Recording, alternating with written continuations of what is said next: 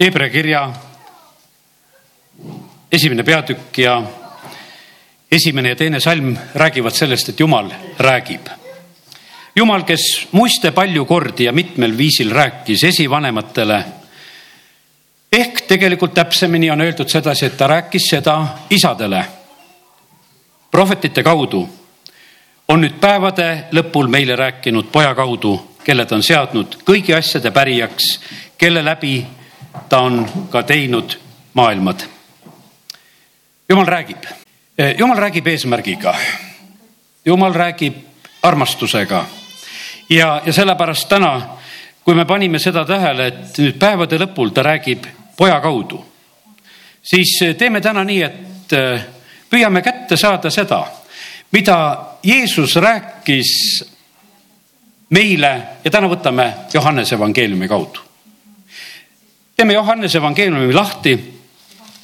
ja eks kõik kiri on Jumala vaimu poolt sisendatud, aga üks osa Jumala sõnast on ju päris selline otsene, eh, kus on viide sellele, et Jeesus ütles või Jeesus rääkis ja sellepärast mina eh, lugesin nii eilsel õhtul kui ka tänasel hommikul lugesin just Johannese evangeeliumit selle igatsusega, et ma tahan näha seda, et mida sina, Jeesus, räägid. leidsin seda, et Jeesuse selline esimene isiklik jutt, mida ta räägib, on Johannese evangeeliumi eh, esimeses peatükis ja kolmekümne kaheksandas salmis. aga hakkame lugema kolmekümne viiendast. järgmisel päeval seisis Johannes jälle seal koos kahe oma jüngriga.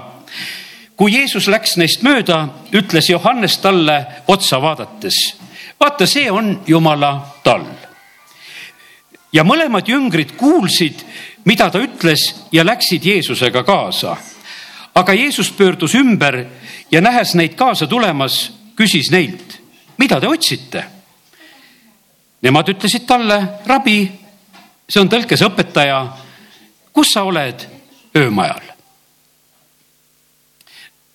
Johannese jüngrid eh, on sellel hetkel koos oma siis õpetajaga Johannesega, rist Johannesega ja kui Jeesus neist möödub, siis äh, Johannes lihtsalt ütleb, et vaata, see on jumala tall.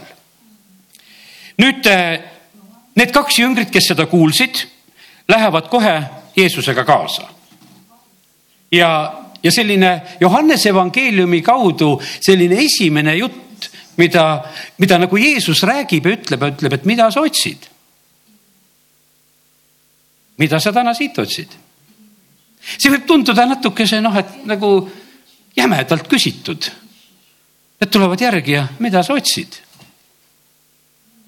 aga ometigi Jeesus niimoodi küsis. aga panete tähele, mida Johannese jüngrid, kuidas nad reageerisid selle peale? Nad ütlesid, meie otsime õpetajat. sest nad ütlesid kohe, et rabi. ja nad tahtsid teada saada, et kus see rabi elab see on võib-olla praegusel ajal niimoodi, et, et kui me nagu midagi kätte saame, kust me saaksime selle interneti aadressi, kus me saaksime selle lingi, kus see asub? ma mäletan seda, et kui ma sain kord sellised kassetid, mis olid minu jaoks üsna anonüümsed, aga väga hea jutlus oli peal ja kuulasid ja olid vaimustuses, aga mõtlesin, aga kus kohas, kus kohas selline vend on, kas ma kunagi saan teada, kus on tema kogudus või paik, kus ta kuulutab või teeb, sellepärast et ühtegi viidet selle peal ei ole. Ja nüüd on niimoodi, et, et need Johannese jüngrid Need, kui kuulsid, et see on jumala tall, siis nad läksid Jeesuse aadressi otsima. Nad läksid järgi ja kui Jeesus sai aru, et ühed on järgi niimoodi talle kõndimas, siis ta küsib, et mida te otsite. ja siis nad ütlevad, et me otsime seda, et, et kus on sinu öömajapaik, kus sina elud, elad, kus sina asud ja, ja nii nad läksid tollel korral temaga kaasa. Jeesus ütleb selle peale, et tulge ja vaadake Nad tulid, siis nad nägid, eh, kus ta oli siis öömajal ja jäidki sel päeval tema juurde. oli umbes neljas tund pärast lõunat.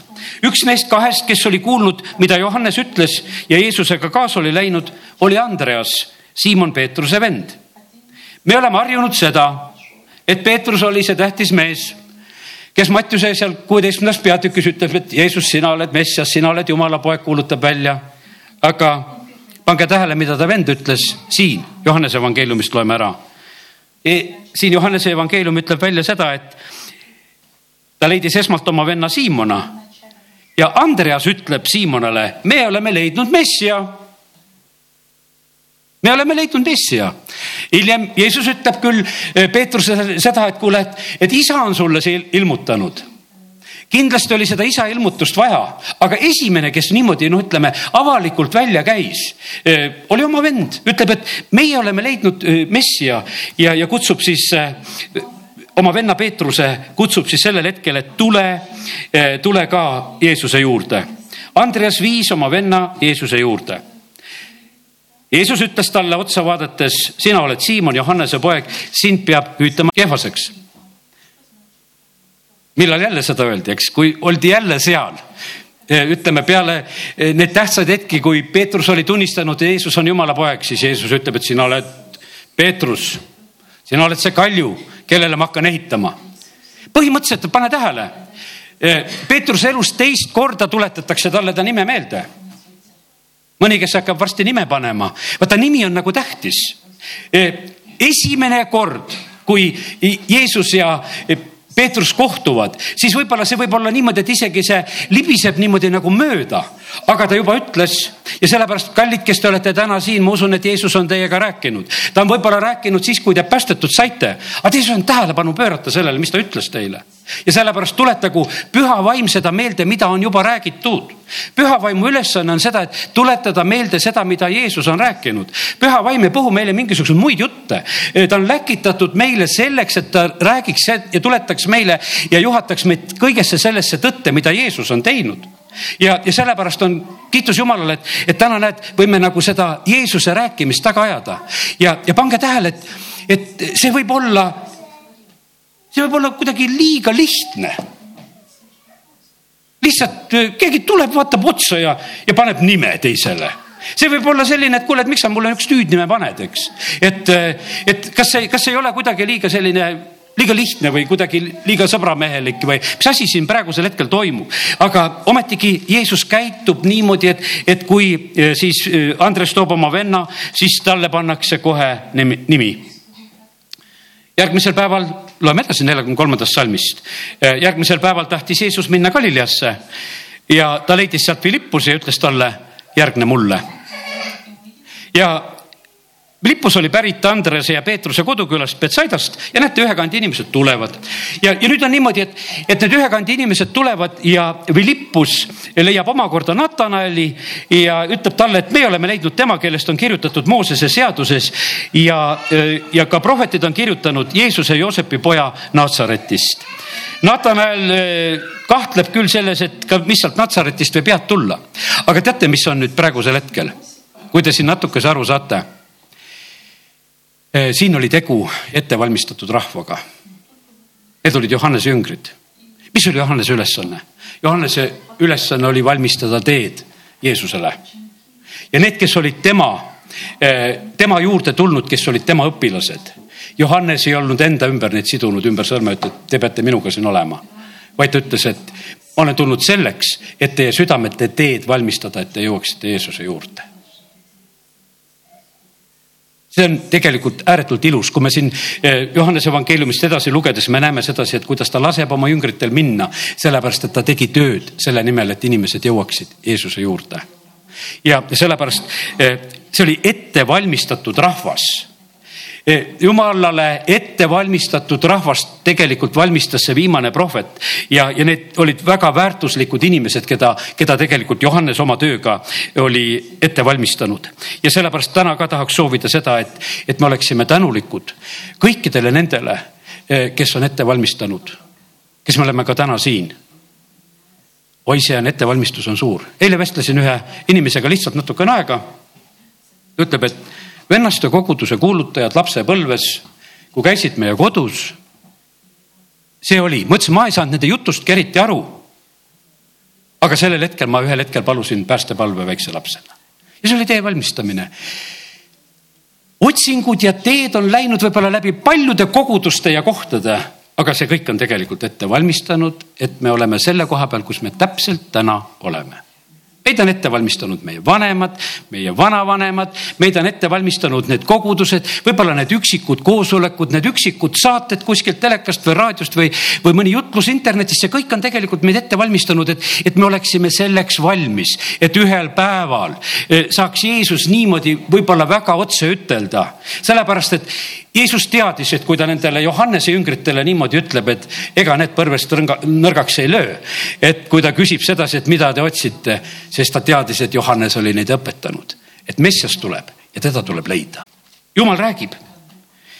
vaata, kui erinevalt ta räägib, siis on niimoodi, et võtame selle järgmise, ma võtan, ma olen ise ära nummerdanud, et nüüd lähme jutu number neli juurde. ja see on jutt, kui hakatakse Natanaliga rääkima Jeesus, nelikümmend seitse salm, Jeesus nägi Natan, Natanaeli enda juurde tulevat ja ütles tema kohta, vaata, ta ütleb tema kohta nagu sellise iseloomustuse. ennäe tõeline Iisraeli mees, kellest pole valet. vaata, ta paneb eh, korraga nagu sellise iseloomustuse paika. et eh, Natanael saab selle tunnistuse, et kuule, et see on tõeline Iisraeli mees, kellest pole valet. mäletan kord, et üks isa ütles kord ühe ühe pastori kohta, eh, kes noh, minu arvates ei jutlustanud väga hästi. noh, ütleme, et ma vahest nagu mõtlesin, et tahaks ikkagi, et võiks nagu paremini ja, ja kui oli vahest niimoodi, mõtlesin evangeeliumi nädalatele kutsuda ja, ja et noh, et oleks ikka niisugune tuld täis ja paneks, aga päriselt, eks, et ja ma mäletan sedasi, et lihtsalt ükskord isa lihtsalt ütles nagu muuseas ütles, et ta on puhta südamega mees. tead ja see jäi ja see on mul terve elu jäänud. ta on puhta südamega mees. ta on see Natanael ta on see, kelles ei ole valet. ma kutsusin ta oma kogudusse, ta ütlustas siin väga hästi. ja noh, nii et ma olin üle ootuste lihtsalt üllatunud sellepärast, et tegelikult, aga, aga ma võtsin teda vastu nagu selle, selle tunnistuse peale, mis oli nagu tema kohta tulnud. ja no mina usaldasin oma isa ütlemist ja, ja see, ja see nagu ühtekokku nagu töötas väga hästi ja sellepärast kallid, nii see on, et kallid Jeesusel on meie kohta ütelda ma usun seda, et kui eesmärgile jõuame ja, ja siis võib tulla see sõna, et sa hea ja ustav sulane, me enam ei saanud rõõmusse. igavene vahva oleks seda Jeesuse käest kuulda. väga tähtis on see, et me kuuleksime seda, mida Jeesus kord ütelda tahab. aga väga hea on, kui me saame siin ka seda kuulda.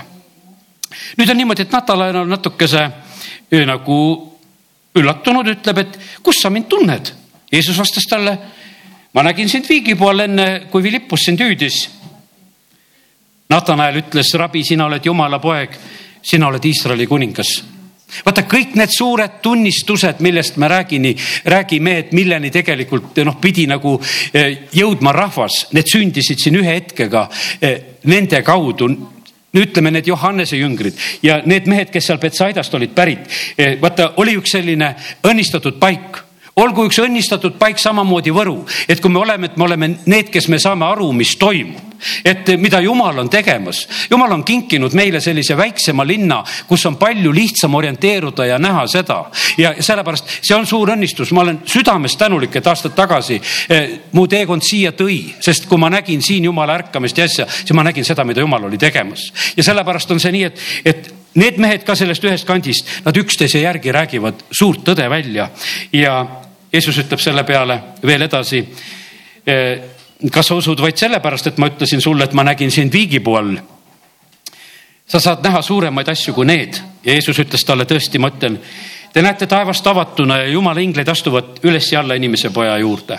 ja vaata, kui sa tulid niimoodi avatult, siis tegelikult said selliseid võimsaid sõnumeid ja teadmisi veel, mis tegelikult hakkab, hakkab sündima. nii et selles esimeses peatükist mina leidsin selliseid eh, neli eh, sellist Jeesuse rääkimist või juttu, mida tema siis eh, tegi nende inimestega, keda on kirjeldatud meil seal. siis tuleb see Johannese teine peatükk ja, ja Jeesus on pulmas. pulmas on tore olla, muist saime olla siin alles hiljuti ka pulmas ja Jeesus on oma jüngritega pulmas ja, ja selles pulmas juhtub nii, seal tekib teatud probleem Nendel saab vein otsa ja Jeesuse ema siis ütleb eh, talle, et see vein on otsas, et nendel enam seda ei ole. ema oli väga teadlik, käis ringi seal, vaatas ära, mis nendel on või ei ole ja Jeesus vastab, vaata, kuidas omastega räägitakse. mis sul on minuga asja, naine? minu tund ei ole veel tulnud.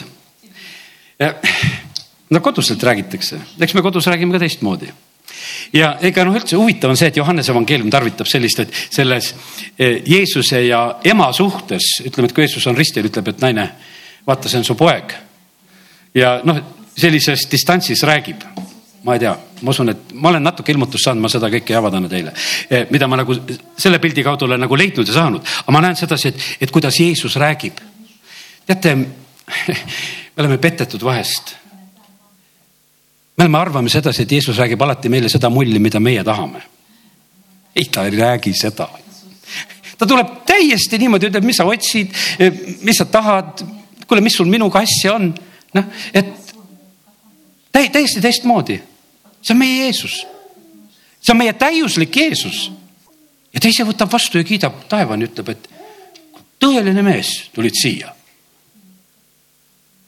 aga mitte keegi ei saanud valida endale seda ütlemist, mitte keegi täna meie ei saa ka valida, et, et no ütleme, et kui meile äh, issand ütleb ja võib-olla sul on hea, et ta ütleb sulle vaikselt ja sa ei ütlegi teistele, mis ta sulle ütles. kas ütles, et on tõeline või ütleb sulle hoopis midagi muud. ja, ja sellepärast on see nii, et aga me näeme, et, et Jeesus käitub siin sellel hetkel nii. No Jeesuse ema, tundes oma poega, tegelikult tegutseb seal teiste hulgas ka, ütleb, et oma, ütleb nendele teenritele, kes seal pulmas olid, et mida ta iganes teile ütleb, seda tehke seal oli kuus kivi anumat juutide puhastuskombe järgi ja iga anuma maht oli vähemalt sada liitrit. ja Jeesus ütleb nendele, et täitke need anumad veega. ja nad täitsid need ääretasa, kuussada liitrit vett. Täitsa, ma usun, et me mõistame, päris kõva kogus vett, mis pulma ajal seal ära tehti, need anumad täideti, Jeesus ütleb siis, et nüüd äh, ammutage ja viige pulma vanemale näed, pulmavanad ilusti täiesti olemas, kes peavad pulmas olema ja peavad oma ülesanded täitma ja nüüd viidi sellele pulmavanemale seda vett. ja kui pulmavanem maitses vett, mis oli muutunud veiniks, ega teadnud, kus see on. teenrid aga, kes olid vee ammutanud, teadsid seda. Ja siis pulmavanem kutsus peigmehe, ütles, et no kuule, et kuidas see niimoodi, et äh, igaüks paneb esmalt lauale hea veini ja, ja kui juba küllalt on joodud, siis lahjema aga sina oled hoidnud hea veini praeguseni alles Eh, ja vaata, kõik see lugu tegelikult, eh, vaata, mis nagu toimub. seal juhtub üks hea asi, et Jeesuse jüngrid jäid uskuma. vaata see, mis sündis seal pulmas, see oli eelkõige, siin on öeldud sedasi eh, ta avaldas oma kirkust oma au seal, nõnda, seal kannapulmas. nõnda, et ta jüngrid jäid temasse uskuma. jäid need, need, kes olid tulnud ka sealt Johannese juurest, need jäid, jäid uskuma. ja Nad lähevad siis edasi seal koos ja Jeesus läheb oma venna, ema ja vendade ja jüngritega alla Kapernauma, viib seal mõned päevad ja siis ta läheb üles Jeruusalemma. ja siis ta läheb Jeruusalemma ja ta tuleb templisse. vaata, Johannese evangeelium, ma ütlen teistmoodi. ta tuleb templisse, ta tuleb templit puhastama, me loeme siin seda. ja alguses on täitsa vait. tuleb lihtsalt sinna, eh, teeb endale selle piitsa, eks, ja teeb Baltes pitsa, ajas pühast kohast välja nii lambad kui härjad ja puistas laiali rahavahetajate mündid ja lükkas kummuli nende lauad. meie Jeesuse tegevus tuleb ja, ja ühtäkki lööb selle kõik selle segi ja laiali, mis seal toimus. no hiljuti just siin kuulasin eh, pastor Aleksei Ledejevi jutlust, kui ta, kui ta rääkis sellest pühamust, et kus jumala elupaik on nagu pühamus ja ütles, et see eesõu, ütles, et mõni on nagu eesõuga õuekogudus kus arutatakse, küll mõeldakse, mida see maailm tahab, millised tellimused, mis nendele meeldiks, et koguduses tehtaks ja, ja kõiki asju küsitakse, et noh, et, et on sellised eesõue kogudused, kus kõik tallavad läbi, kõikidel on midagi ütelda, kõikidel on midagi õiendada, et käib nagu selline asi. sellise koha Jeesus lõi tühjaks, ütles siukest jama ei ole vaja meile. ja, aga jumal elab kõige pühamas paigas, nii nagu eile piiblikoolis ka rääkisime ja kõige pühamas paigas ei ole mitte midagi liigset. seal oli lepingu laegas seal olid need asjad, mis olid sees. preester võis sinna tulla kord aastas ja seal oli see paik, kus jumal tegelikult rääkis. ja sellepärast, kallid, see, kui kui on palju neid asju, mis tõmbavad meie tähelepanu ja tõmbavad ära selle, et mida jumal tahaks rääkida, siis me näeme sedasi, et Jeesus läheb sellesse paika ja, ja ta teeb sellist puhastust. ja, ja siis ta natuke räägib ka. see on tema siis minu nummerduse järgi nagu seitsmes jutt, mis ta siis ütleb, et kuusteist salm siin, et viige nad siit minema ja ärge tehke minu koda, isa koda kaubakojaks. ja jüngritele tuli meelde, et on kirjutatud, kiivus sinu koja pärast neelab mu ära.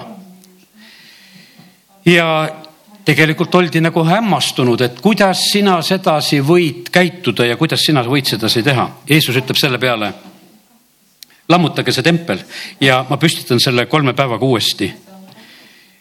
siis ütlesid juudid, seda templit on ehitatud nelikümmend kuus aastat ja sina püstitad selle kolme päevaga. aga tema mõtles selle templi all oma ihutemplit. vaata sellel hetkel ta räägib nagu selle välja ma täna nagu nägin seda, et kas ei ole üks selline huvitav asi, et kui Jeesus on seal selle eh, pitsaga seal templis, siis on ühel päeval ollakse pitsaga tema kallal, selle templi kallal, selle ihutempli kallal. seekord oli selle Jeesuse ihutempli kallal selle pitsaga olemine, see oli juba meie pattude pärast. see, mis toimus Jeruusalemma templis sellel hetkel ja, ja kui neid ohvri loomi seal müüdi ja osteti ja vahetati ja tehti neid asju, need olid need probleemid, mis olid seal. aga kui pitsaga tuldi Jeesuse kallale, siis tuldi juba sinu ja minu pärast. ja sellepärast Jeesus ütles jah, et nii selle pitsaga vahepeal käib, et tullakse selle templi kallale selle pitsaga. aga mina ehitan selle templi kolme päeva pärast üles, ta tõusis kolmandal päeval üles. selle nädala sees sain selle sõna väga selgelt, et tähistage igal pühapäeval minu võitu, mis oli Kolgatal, tähistage minu võitu, see on võidupäev, alati kui te tulete, see on võidupäev. ja iga päev nädala sees kasutage seda võitu. See ei ole ainult mingisugune võit tähistamiseks, vaid see on kasutamiseks. igal päeval kasutame ja, ja siin ühel päeval koos veel võimsalt tähistame ja oleme rõõmsad selle võidu üle ja nii, et äh, need asjad jäid tegelikult äh, teatud mõttes nagu arusaamatuks ja sellepärast pane tähele, et ega see Johannese evangeelium ei ole selline noh, nagu kronoloogiline üleskirjutus sellest, et nüüd täna Jeesus tegi seda ja ette ei tea, mis tuleb. noh, ta kohe kirjutab kakskümmend kaks salm, siis kui Jeesus oli üles tõusnud surnuist, tuli jüngritele meelde seda, et ta oli öelnud, et ta oli öelnud seda asja siis ja nad uskusid kirja ning sõna, mis Jeesus oli öelnud. ja siis on niimoodi, et et tegelikult nende paasapühade ajal hakkasid paljud tema nimesse uskuma, nähes tunnustähti, mida ta tegi. nii et Jeesus räägib selliselt, vahest ka tegudega. järgmine rääkimine on selline isiklik öine rääkimine. üks juutide ülemaid, Nikodeemos tuleb öösel, tuleb Jeesuse juurde. ta tuleb samamoodi respektiga. ta tuleb, ütleb, et rabi see väga palju määrab, kuidas sa kellegi juurde lähed. ma usun seda, et me teeme täpselt samamoodi erinevate inimestega tervitades, rääkides, lähenedes, no meil on ju igaüks ka mingisuguses kategoorias, no kes on auväärt, siis vaata, milline nägu sul ette tuleb. ja, ja kes on võib-olla sinusugune, siis on niisugune sõbaramehe pats. ja mõni on niisugune, et noh, sina ka, hea küll. aga eh, nii me käitume, aga me näeme sedasi, et Nikodeemus, kes on Iisraeli juht tema tuleb öösel ja ütleb sedasi, et rabi, me teame, et sa oled jumala juurest tulnud õpetaja, sest keegi ei suudaks teha neid tunnustähti, mida sina teed, kui temaga ei oleks jumal. Jeesus sai kiita, no tore ju, kui keegi kiidab. aga Jeesus ei tee sellest väljagi, ütleb talle tõesti, tõesti, ma ütlen sulle, kes ei sünni ülalt, ei või näha jumala riiki ta ei hakka seal pikalt üldse rääkima, et, et mida sul vaja on, ta ütleb, et kuule, et sa, sa pead vaimust sündima, sa pead ülevalt sündima. no kiitus Jumalale, et meil see jutt on, see on vaata, kui meie päästmise koha pealt oluline peatükk meile kõikidele, et see, see jutt on kirjas ja ühe asja unustasin. vaata, kui me täna siin loeme seda, mida Jeesus rääkis. Johannes, kui ta seda kirja paneb, loeme selle salmi kohe siia juurde. Johannese kakskümmend, kolmkümmend üks. Need on kirja pandud et te usuksite, et Jeesus on Kristus, Jumala poeg ja et teil uskudes oleks elu tema nimes. Et see kõik, mida me praegusel hetkel loeme, see on, Johannes on kirja pannud sellepärast, et meie saaksime uskuda, et Jeesus on Jumala poeg. Ja uskudes meil oleks elu eh, tema nimes. nii et see on selle, sellepärast on kirja pandud, sellepärast on see uuesti sünni lugu pandud, et, et meie, meie saaksime uskuda ja, ja saaksime seda vastu võtta ja nii, et, et kiitus Jumalale, et see lihtsalt avaneb nii ilusasti ja lihtsalt eh, tegelikult eh, siin meie ees. Mitmed asjad tegelikult, mida ta siin ära, ära seletab ja siin on niisugused vahelõigud vaata, see on niimoodi, et lugu nagu jookseb ja, ja siis on nagu võiks ütelda, et nagu näitendis võib-olla, et on nagu selle tegevuse kohta mingid juhised või, või, või selline pilt. salmid üksteist ja, ja kaksteist on öeldud, tõesti, tõesti, ma ütlen sulle, meie räägime, mida me teame ja tunnistame, mida me oleme näinud ja ometi ei võta teie meie tunnistust vastu. Teie ei usu mind juba siis, kui ma räägin maistest asjadest, kuidas te usuksite siis, kui ma teile räägiksin taevaseid asju? no seal on ühe mehega on nagu jutt. Aga Johannes, kui ta kirjutab meile seda kõike, seda lugu, siis ta arvestab sellega, et läbi aegade loevad inimesed seda. Ja ta ütleb, et ja inimesed ei usu kui palju on tegelikult kasvõi Johannese evangeeliumit eraldi trükitud ja inimestele jagatud. Selleks, et Jeesuse nimesse uskudes võiks olla elu. Ja, ja sellepärast see kogu see lugu on lihtsalt niimoodi meile kirja pandud, et, et me võiksime seda, seda näha.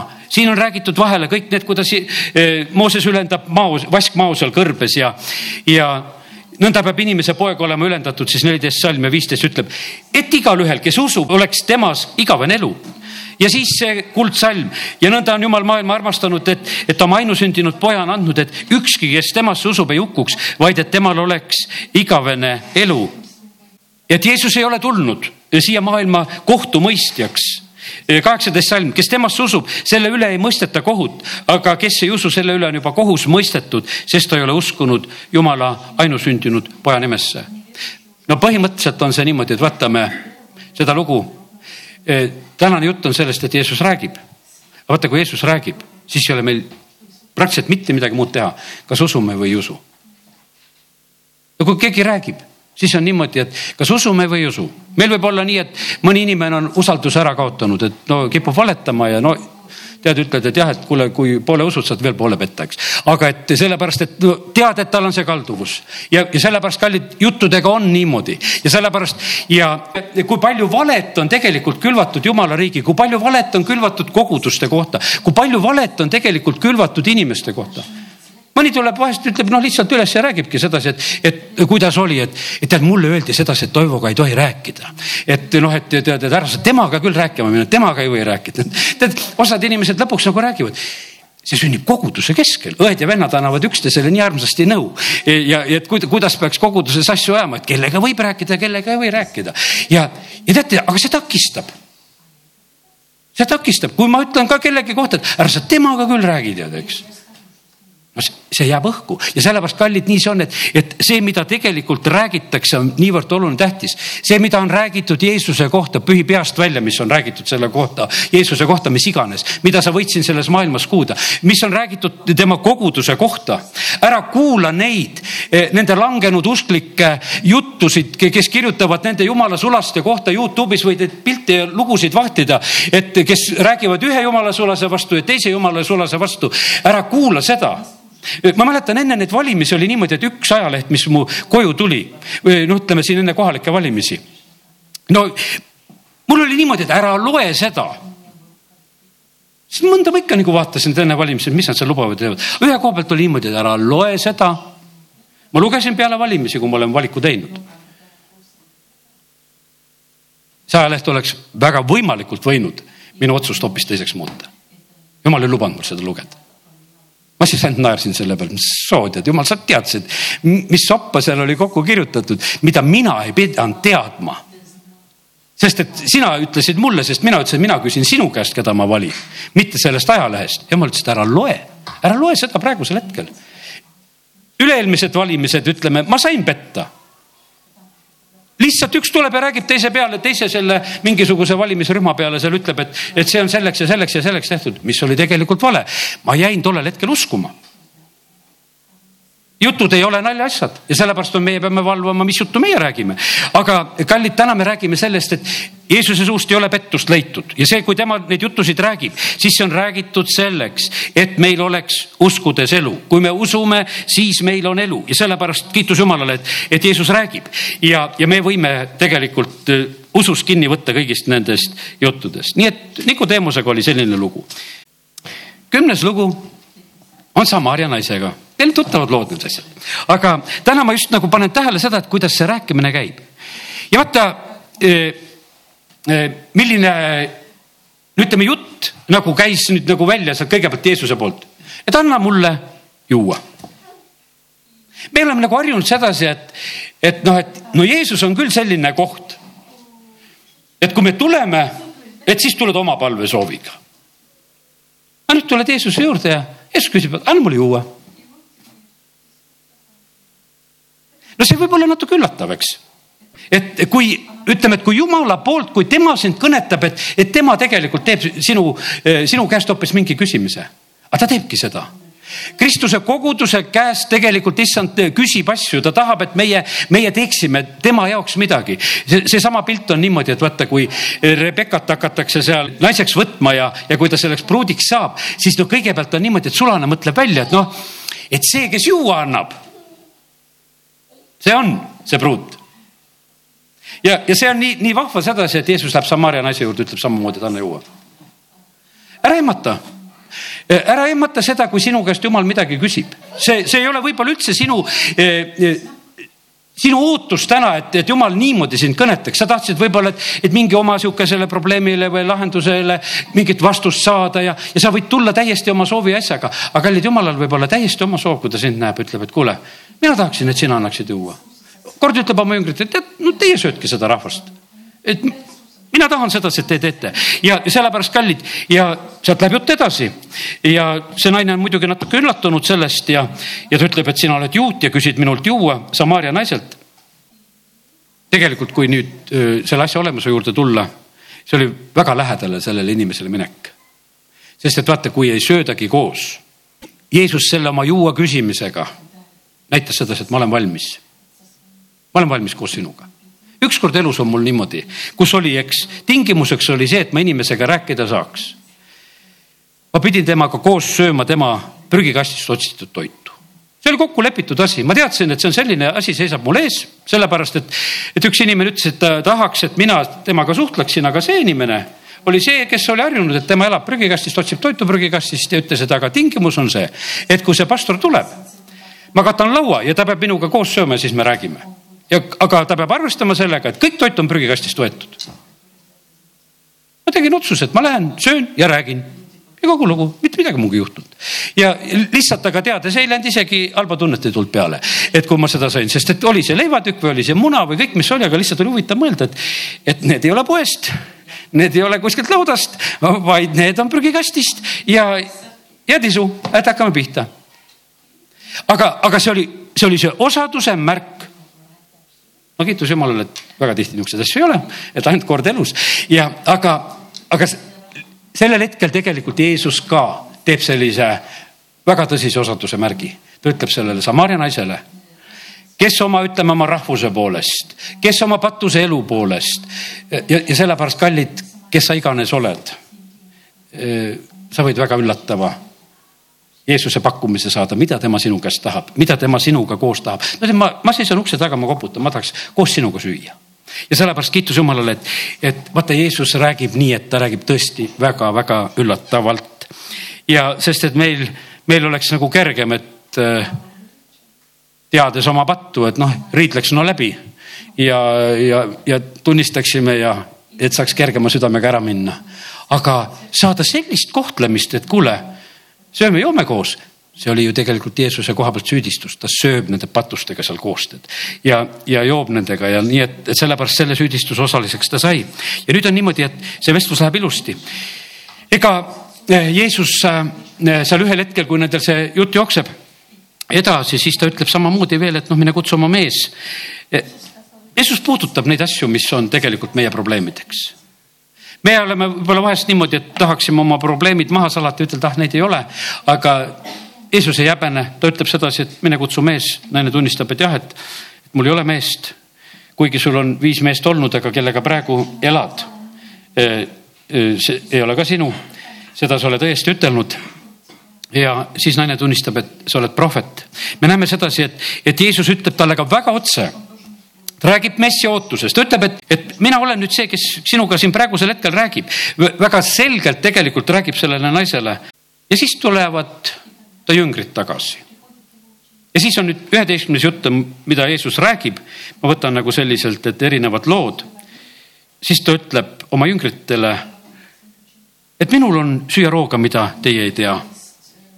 siis nad arutasid omavahel, kas teile keegi on toonud süüa. Ja et mis siin vahepeal on juhtunud.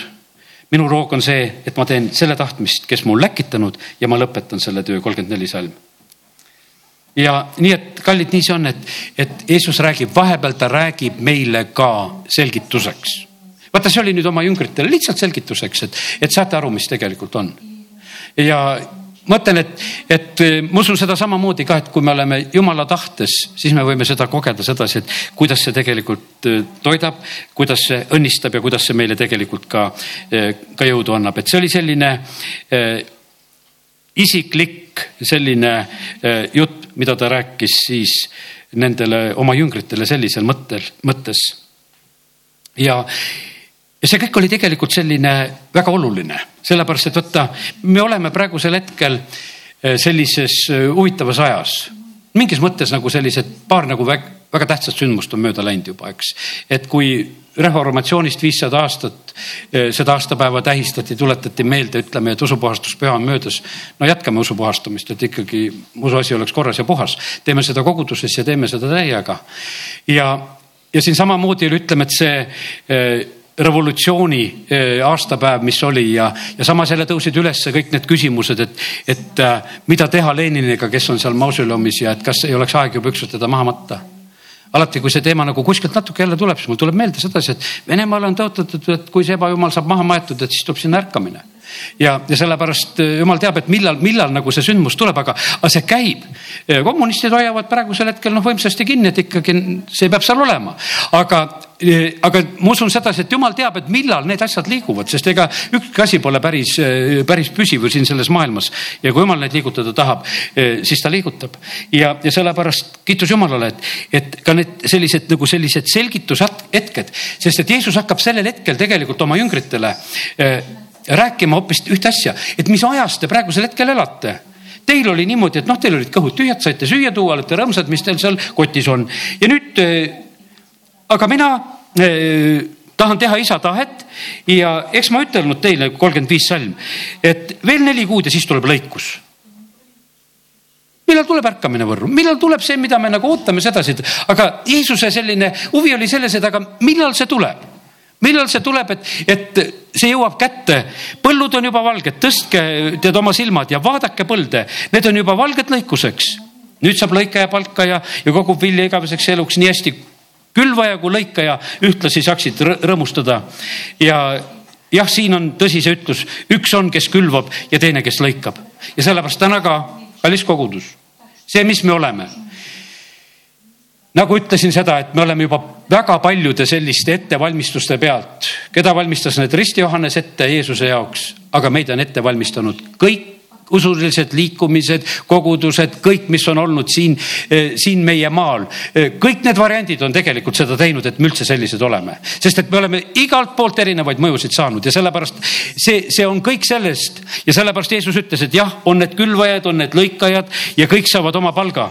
Ja sellepärast ja, ja ja te, ma teid olen läkitanud lõikama seda, mille kallal te pole vaeva näinud. teised on vaeva näinud ja teie olete tulnud nende vaeva vilja lõikama ja sellepärast, kallid, nii see on, et tõesti on, on neid aegu, kus, kus vahest asjad lihtsalt tulevad kuidagi kergemini kätte, aga töö on ennem lihtsalt ära tehtud ja sellepärast südamest tänu, me peame olema südamest tänulikud selle, eh, selle samuse viiesaja aasta eest, mis meil on. no kas sina tõlkisid endale piibli? Ei tõlkinud, teised inimesed tõlkisid meile. Ja me võtame seda nii lihtloomulikult, keegi trükkis selle. E, enamus aega me saime siin, ütleme, kui see vabadus tuli, kõik saime veel tasuta piiblit, tahtsime selliseid ka. nüüd lähme vaatame raamatupoest oi,, oi-oi, nii kallis, et kas ostma peab? peab jah ostma, sellepärast et keegi selle on teinud ja, ja selle eest on makstud ja tehtud ja, aga noh, meile nagu oli selline, noh, kui jumala sõna, et noh, siis keegi topigu niisama mulle see tasuta kätte. Ja et sellised, aga kallid, nii see ei ole ei ole ühtegi tasuta asja olnud, keegi on niikuinii selle eest maksnud. Kui see sinu jaoks on olnud tasuta, siis on see kellegi poolt makstud. Ja, ja sina oled lihtsalt lõiganud seda vaevavilja, mida keegi teine on teinud. Ja, ja, ja sellepärast hinda seda, eh, mis on nagu sinu käes. mul on noh, sellel piiblil on kohe täitsa eh, pühendus sees. Kingitus kaastöölistele, Eesti koguduste partnerid viienda aastapäeva puhul. Ja konkreetsed veel nimed ka, kes tegelikult lihtsalt ühel päeval toodi see piibel mu pihku, ütles, et kuule, Toivo, võta see hea piibel, need olen Toompeal seisnud ja Võrus seisnud ja, ja mõni, kes vahest ära tunneb, sul ikka veel see piibel, tänu jumalale, ikka veel see piibel. Ja, aga keegi on selle mu kätte andnud ja see on õnnistuseks töötanud. Ja, ja sellepärast Jeesus, tema nägi hoopis nagu eh, seda, seda, mis on toimumas, hoopis nagu teise pilguga ütleb, et, et eh, nähke nagu seda. Vaata Jeesus räägib niimoodi. Ja sellepärast täna, kui me oleme siin jumala kojas, ma usun, et siin on ühte kui teist, et, et eh, me oleme võib-olla sellises erinevas kohas ja, ja erinemise, erineva tähelepanuvõimega ja, ja üldse ja sellepärast on see nii, et, et ega ma ei tea, et võib-olla mõni ei saa üldse kuulata, võib-olla rõhutud nii oma olukorra pärast, et null kuulamine sul, et sa ei kuule mitte midagi, sest et sa võid olla nii rõhutud vahest oma, oma asjades kinni, et, et sa võid olla füüsiliselt siin, aga, aga, aga noh, ütleme, et sind ei ole sellepärast, et sa oled nagu oma asjade juures. no küllap jumal sulle siis ka ikkagi ütleb sulle midagi, mis sul on vaja. ka sellest ei ole nagu eh, mitte midagi nagu halba ega eh, erilist selles olukorras, sest et jumal teab täpselt, eh, millises olukorras meie keegi täna siin ka oleme. aga nüüd tuleb tore lugu kõik asjad töötavad. ja ma loen siit nüüd, äh, loeme neljakümne kolmandast salmist äh, neljandast peatükist edasi. aga kahe päeva möödudes rändas Jeesus sealt edasi Galileasse. Jeesus ise ju tunnistas, et prohvetist ei peeta lugu oma kodukohas. ometi, kui ta nüüd tuli Galileasse, võtsid galileased tema hästi vastu sest nad olid näinud, mida kõike ta oli teinud pühade ajal Jeruusalemmas. Nemadki olid ju käinud nendel pühadel nii tuli Jeesus taas Galilea Kaanasse, kus ta oli muutnud vee veiniks. ja seal oli üks kuninga ametimees, kelle poeg oli Kapernaumas haige. kui ta kuulis, et Jeesus on tulnud Juudamaalt Galileasse eh,, läks ta tema juurde ja palus, et Jeesus tuleks alla ja teeks terveks tema poja, sest see oli suremas. nagu seal taustal juhin tähelepanu, vaata, mis oli arvesse läks kõik, mida Jeesus tegi Jeruusalemmas ja arvesse läks pulm. ma usun seda, et meie koguduse jaoks, aitäh, Tanel ja Kirsika, läks väga arvesse tegelikult see pulm. väga palju sõpru, keda oli toodud siia kogudusse väga-väga palju, paljudele, kellele lihtsalt oli see soov, et see väikene palvele, meil oli isegi ebamugav ja kitsas ja palav ja, ja, ja võiks ütelda selliselt nagu isegi paha siin olla, sest rahvast oli nii palju.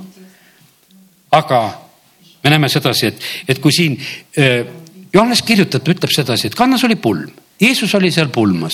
Ja nüüd vaata, kõik need asjad korratakse kokku.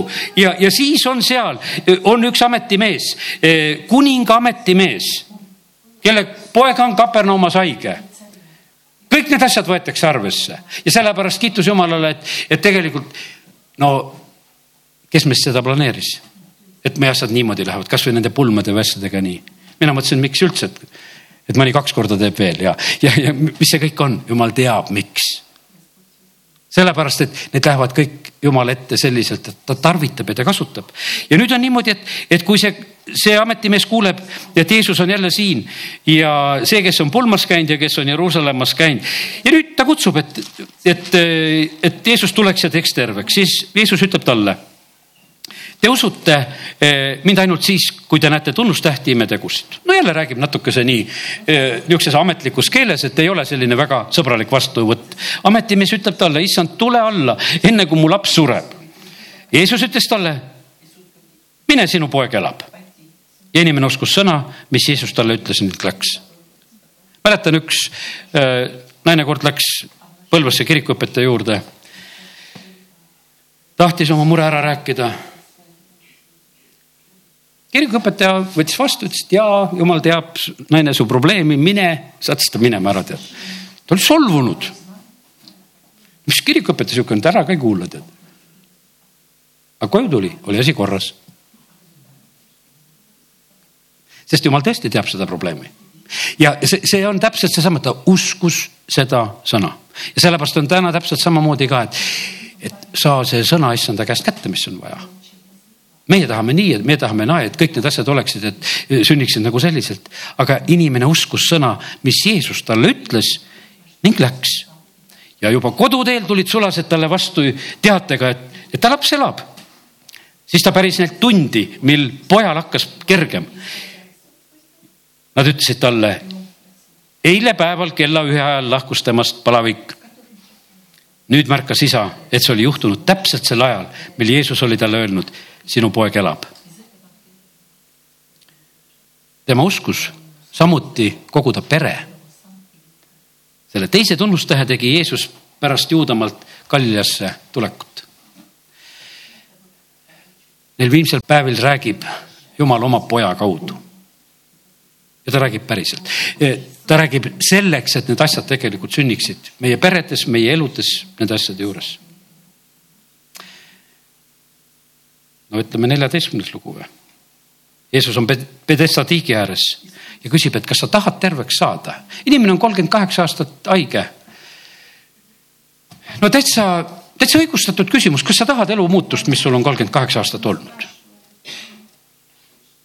Sa tahad elumuutust, kas sa tahad, et kui sa pole kolmkümmend kaheksa aastat tööl käinud, et veel hakkad üldse nagu midagi tegema, mingil määral enda eest vastutama või no, või laseme juba lõpuni see on, see on tegelikult täiesti, see ei ole mingi rumal küsimus, see on täiesti, täiesti loogiline küsimus, mis on inimeste eludes. inimesed kardavad, et äkki puue kaob ära.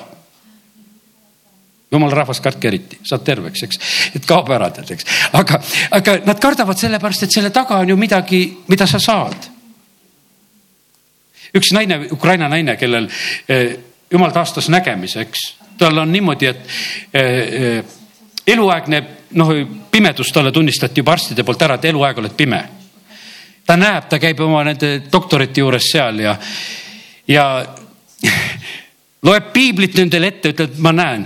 professorid ütlevad, me ei tea, sa oled nähtavasti seda piibli pähe õppinud ja ei näe sa midagi. mine minema, me ei usu, et meie aparaadid näitavad, et sa ei näe. Nii et ta näeb ja saab oma rahasid ja sellepärast jumal võib neid imesid ka teha, et, et sa oled juba terve ja sa näed, aga professorid ei näe ja, ja, ja, ja, ja sa saad ikka, nii et ära karda. jumal oskab väga-väga hästi kõiki neid asju teha ja, ja sellepärast kiitus Jumalale. ja, ja nii ta on, et, et ta küsib seal selle eh, haige käest, kas sa tahad. ega seal selget vastust ju kohe ei tule eks ta oligi selline noh, et mul ei ole, kes aitab ja, ja läheb selliseks jutuks natukese lahti. ja noh, et juba teised trügivad ette ja kui mina sinna jõuan ja teised terved ja kõik need asjad ja Jeesus ütleb talle, et tõuse üles, võta oma kanderaam ja kõnni. vaata, kas see ei ole liiga äkiline? kas me oleme valmis selliselt, et noh, et, et kui kolmkümmend kaheksa aastat on niimoodi olnud ja, ja siis on täna selline päev, et nüüd kästakse tõusta ja kõndida ja minna kui sa oled nagu no ütleme nagu valmistunud läksime Kennet Koplani koosolekule Riiga, eks kunagi seal, kas oli piiblikooli ajal või kuna me seal käisime, eks, ja kus seal üks tüdruk sai nagu nägijaks, kellel olid tohutu tugevad need prillid hästi paksude klaasidega ja, ja, ja kuidas siis ütleme, et see noh, oli meie bussilaps, kes siis oli Tartust, kui me olime läinud sinna, oi, me olime õnnelikud. sel samal korral üks poiss tõusis ratastoolist ja kõndis. Need on superlood tegelikult, kui sa nagu näed, et meil ei ole nagu neid lugusid nii võtta, aga ma mäletan sedasi, et kui tookord seal käisime, me olime nii õnnelikud, eks, aga me olime nagu saad aru, niimoodi valmistunud, et me sinna läheme. Läheme Kennet Koplandi koosolekule, ta seal laulab ja, ja jutlustab ja, ja, ja sündisid imed ka. ja kiitus Jumalale, see on nagu selline, nagu oled sellise ootuse asjaga. sellel päeval, no see mees kindlasti mitte midagi oodanud päev nagu päev, noh, vaatad, kas seal midagi on kuskil liikumas või ei ole, aga ja, ja pealegi oli veel see hingamispäev ja, ja, ja nii, et aga Jeesus tegelikult eh, on oma küsimustega seal ja, ja, ja tervendab selliselt äh, siis selle, selle haige inimese. tal on palju aruandmist pärast seda, mis sündis. ta peab tegelikult äh, nagu selgitama ja rääkima, sellepärast et teda varitseti, et ta on hingamispäeval seda teinud seal ja, ja Jeesus hakkab rääkima seitseteist salm, siis see on nagu järgmine lugu, võiks ütelda. ta räägib nüüd nendele ja vaata, nüüd on selline, vaata nüüd on üks hoopis teistmoodi rääkimine tuleb veel. ta hakkab rääkima eh, nendele inimestele, kes tahavad sind ära tappa. See on täitsa teistmoodi rääkimine, mis mul viga teiega rääkida, ma täitsa eeldan sedasi, et keegi ei ole täna tulnud selle mõttega, et, et noh, et, et ära tappa. aga sellel hetkel on niimoodi, siis otsisid juudid kaheksateist salm. Veel enam võimalust teda tappa sellepärast, et ta lisaks hingamispäeva rikkumisele nimetas, oli nimetanud Jumala oma isa olevat, tehes ennast Jumalaga võrdseks ja nad on, ütleme sellised tapmisimulised kuulajad aga ta räägib nendega. ta hakkab rääkima, tõesti, tõesti, ma ütlen teile, poeg ei saa midagi teha iseenesest, vaid teeb seda, mida näeb isa tegevat. sest mida iganes isa teeb, seda teeb ka poeg. isa armastab poega ja ning näitab talle kõike, mida ta ise teeb ja, ja tahab talle näidata suuremaid tegusid, kui need on. nõnda, et te panete seda imeks. Ja tegelikult on see nii, et, et, äh, et siis tuleb terve lugu nagu, mis ta nendele räägib. siis ütleb sedasi, et, et kallid, see puudutab meid igat ühte, seda ma tarvitan sageli matustel. Ei mäleta, kelle, kas Wilkersoni raamatust või kus ma kunagi nagu selle nagu enda ette nagu sain kuskilt nagu selle, et äh, kakskümmend neli salm tõesti, tõesti, ma ütlen teile, kes kuuleb minu sõna ja usub teda, eh, kes on minu saatnud, sellel on igavene elu. ning ta ei lähe kohtu alla, vaid on läinud surmast ellu. vaata, see on hauakaldal on niimoodi rääkida, et kes usub sõna, need lähevad surmast, lähevad ellu. tõesti, tõesti, ma ütlen teile, et tund tuleb ja ongi juba käes, mil surnud peavad kuulma Jumala poja häält ning kes seda kuulevad, peavad elama surnud ei ole mitte ainult need, kes on autodes praegusel hetkel seal meil Võru kalmistul või kuskil, need ei ole ainult need surnud, kes seda jumala pojalt häält kuulevad. vaid alati ma ütlen kalmistul seda, et need surnud, kes te siin haua kaldal seisate. sest et kui sa ei ole veel päästetud, sa oled vaimulikult surnud. aga sul võib olla täna see päev, kus sa tegelikult esimest korda kuuled, et jumal sind kõnetab. surnud peavad kuulma jumala poja häält. eks tõesti, tõesti, ma ütlen teile, tund tuleb ja on juba käes. just vahest nendel matustel, mil surnud peavad kuulma Jumala poja häält ning kes seda kuulevad, peavad elama. sest otse kui isal on elu iseendas, nõnda on ta andnud ka pojale, et elu on temas endas. ja ta on temale andnud meelevalla ka kohut pidada, sellepärast et tema on inimese poeg. ärge pange seda imeks sest tuleb tund, mil kõik, kes on haudades, kuulevad tema häält. tegelikult, mis ma olen ühe asja ära, kui ma olen matustel, ma oskan juba nendel momentidel vaadata inimesi, kui ma selliseid lugusid loen. kõik surnud tõusevad haudadest üles ja seda on tegelikult nii põnev vaadata, segadus. teistel on puhkerahus, läksid, eks, kõik, aga ja mina räägin mingisugust teist juttu, et midagi peab kuulma ja midagi peab tõusma ja, ja kõik, kes kuulevad, tõusevad ja, ja on ja õndsad on need, kellel on osa esimesest ülestõusmisest ja siis mõtlesin, et küll mul on vahva, jumal. see on sinu sõna. mina loen seda, see on elav sõna. ja see on tegelikult vägev sõna, see toimib ja sellepärast, kallid, kui Jeesus räägib, see on nii vägev ja sellepärast vaata, vaata, kui tore on tegelikult, et me võime seda tema rääkimist kohata, panite nüüd tähele, öösel. kuskil võib-olla, kui täna räägin üldse mingisugusest kasvõi matustest ja kohtadest.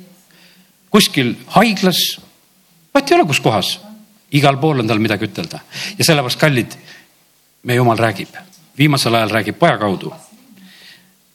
rääkige temaga see, see võib tunduda esimesel hetkel natukese naljakas, et, et, et me hakkame nüüd niimoodi rääkima, et, et küsid oma küsimuse, aga ta räägib. ja sellepärast kiitus Jumalale. lõpetan täna siin ühe rääkimisega, mis ta rääkis. kuuendal novembril olen issanda ees ja, ja saan sellised jutud. võtan ainult ühe osa.